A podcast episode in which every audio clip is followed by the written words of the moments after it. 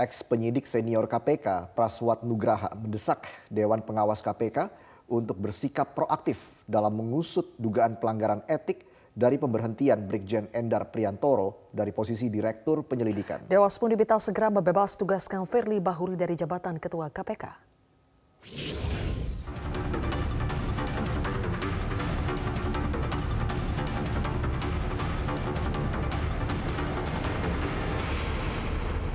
Keputusan Komisi Pemberantasan Korupsi KPK dengan memberhentikan Brigjen Endar Priantoro dari posisi Direktur Penyelidikan menguatkan dugaan terjadi indikasi upaya politisasi dalam penanganan perkara. Diduga sumber masalahnya adalah perbedaan pendapat antara Firly Bahuri dengan penyidik dalam penanganan perkara Formula E. Ex penyidik senior KPK Praswat Nugraha menilai Pencopotan Endar, bukti KPK menjadi alat memuluskan kepentingan politik pihak tertentu sehingga cara-cara tersebut harus dihilangkan. Dewan Pengawas KPK pun didesak untuk membebas tugaskan Firly.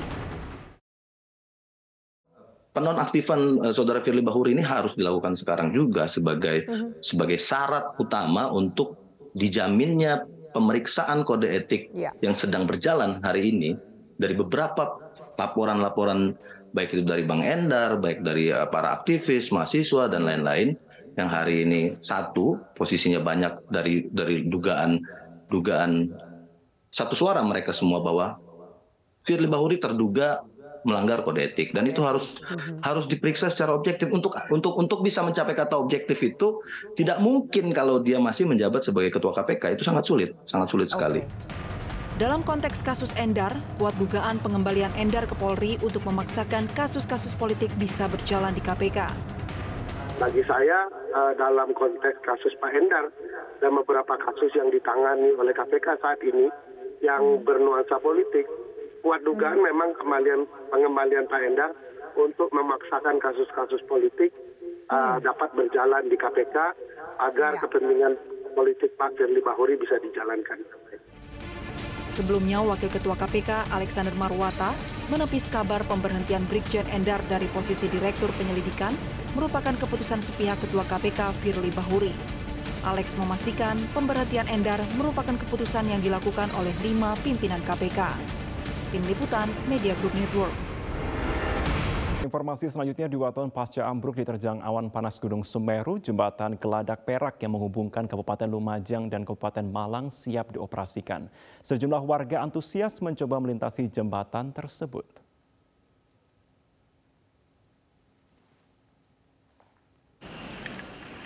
Seperti inilah kondisi jembatan Geladak Perak setelah diterjang awan panas Merapi beberapa waktu yang lalu.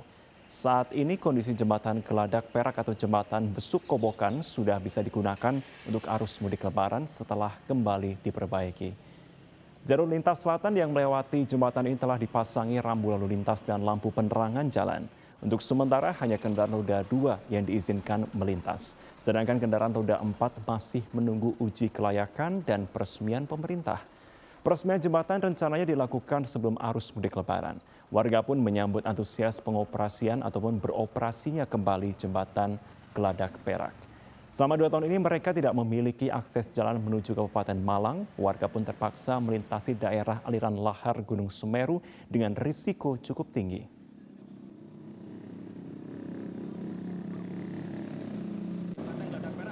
ini uh, direncanakan untuk mulai dioperasionalkan walaupun mungkin masih kendaraan roda dua dulu. Tapi Balai Besar Jalan Nasional yang ada di Surabaya e, memastikan bahwa sebelum Lebaran sudah bisa digunakan dan difungsikan untuk masyarakat. Kita ke informasi selanjutnya pemirsa di mana banyak kegiatan yang bisa dilakukan umat muslim selama bulan suci Ramadan. Salah satunya melakukan wisata religi ke tempat-tempat yang belum pernah dikunjungi. Salah satunya mengunjungi galeri Gus Jigang di Kabupaten Kudus, Jawa Tengah yang menyimpan banyak sekali koleksi Al-Quran dan kaligrafi.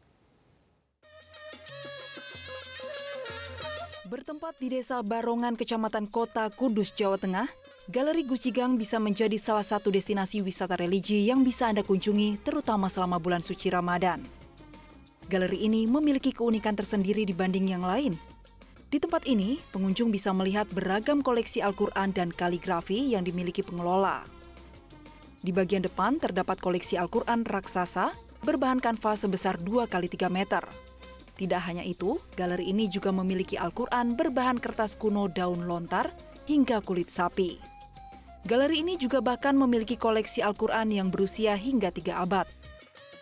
Koleksi Al-Quran yang dimiliki tidak hanya dari Indonesia, tapi juga dari berbagai belahan dunia di era penyebaran agama Islam kuno.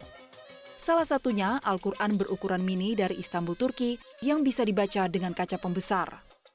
Koleksi-koleksi yang ada di galeri disimpan rapih dengan tertutup kaca agar tidak mudah rusak. Rata-rata para pengunjung datang ke galeri ini untuk melihat beragam koleksi Al-Quran sekaligus menambah pengetahuan macam-macam Al-Quran di sini dari yang mulai paling kecil yang Istanbul punya Turki, kemudian Al-Quran terbesar yang ukuran 3 kali 6 yang terbuat dari mulai dari daun lontar, dari kulit sapi sampai dengan kertas yang paling tertua, ada yang berusia sampai 300 tahun yang lalu. Itu yang saya masih pembelajaran ke anak saya, pengenalan bagaimana Al-Quran 300 tahun yang lalu sudah sudah bisa ditorehkan oleh para sesepuh atau para pendahulu kita sebelumnya dengan adanya uh, apa istilahnya uh, kaligrafi dan Al-Qur'an yang sangat besar sekali ini sangat mengedukasi untuk anak saya. Tidak hanya mengoleksi Al-Quran, Galeri Gus Jigang juga menghadirkan koleksi barunya berupa beragam koleksi kaligrafi unik dan menarik. Salah satu yang menjadi perhatian yakni kaligrafi musaf terbesar dengan bentuk bulat yang menggambarkan bumi. Pengelola galeri mengklaim karya tersebut menjadi mushaf akbar terbesar di dunia. Selain itu, di galeri ini juga terdapat kaligrafi tiga dimensi yang diklaim pertama di Indonesia dengan konsep al-itikas atau persatuan dan kesatuan bangsa. Pengelola Galeri Gus Jigang mengumpulkan beragam koleksi Al-Quran dan kaligrafi dari berbagai tempat. Uh, Museum Jenang dan Gus Jigang ini berdiri tahun 2017 konsep berdirinya sebagai rasa syukur sebagai perjalanan karena perjalanan panjang Jenang Kudus Mubarok dari generasi ke generasi. Jadi kita menampilkan uh, perjalanan panjang uh, Mubarak Food dalam berkiprah di khasana makanan khas daerah. Nah, jumlah koleksi itu kita sudah ratusan kurang lebih dan koleksi ini sesuai dengan tema masing-masing ruangan. Galeri Gus Jigang bisa menjadi salah satu tujuan wisata religi yang bisa Anda lakukan selama bulan suci Ramadan. Dengan biaya masuk Rp10.000, Anda sudah bisa menikmati beragam koleksi Al-Quran dan kaligrafi yang menarik. Dari Kudus, Jawa Tengah, Udin Alinani, Media Group Network. Berbelok dengan gaya yang besar, serta Bus Fighting Falcon dari Skadron Udara 3, Skadron Udara 14, dan Skadron Udara 16. Pesawat tempur TNI Angkatan Udara bermanuver di langit Halim Perdana Kusuma. 14 pesawat tempur F-16 beratraksi membentuk formasi angka 77. Misi serangan udara juga dilakukan pesawat T-50I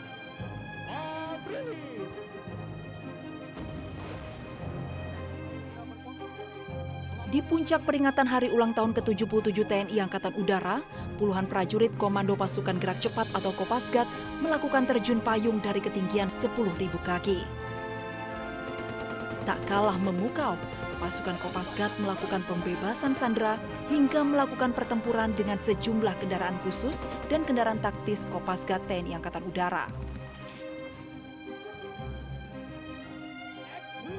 Kepala Staf TNI Angkatan Udara Marsikal TNI Fajar Prasetyo menegaskan, di usia barunya TNI Angkatan Udara akan terus menjaga kedaulatan Indonesia di udara. TNI AU adalah milik rakyat, mohon dukungannya di dalam membangun kekuatan udara Indonesia. Terima kasih. Hari ini ya semuanya TNI AU ke depan ya seperti tadi yang kita sampaikan supaya eh, kedaulatan udara dapat dikuasai ya dengan eh, kekuatan TNI Angkatan Udara yang ada.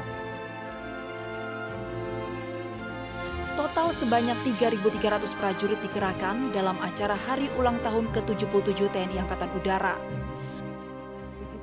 Perayaan kali ini juga menurunkan 82 pesawat yang unjuk gigi menghibur seluruh masyarakat Indonesia, termasuk helikopter yang turut bergoyang mau mere mengikuti irama lagu Kemufamire. Tim Liputan Media Group Network.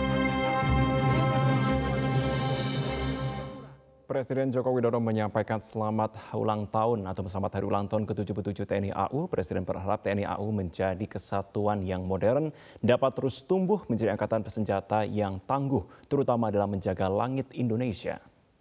Atas nama pemerintah, bangsa dan negara, saya mengucapkan selamat hari TNI Angkatan Udara yang ke-77 kepada seluruh prajurit TNI Angkatan Udara di mana pun bertugas di seluruh penjuru tanah air.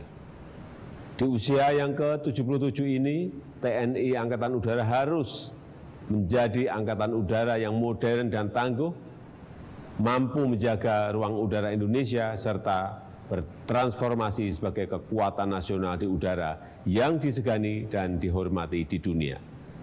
Dirgahayu TNI Angkatan Udara, Swabuana Pak.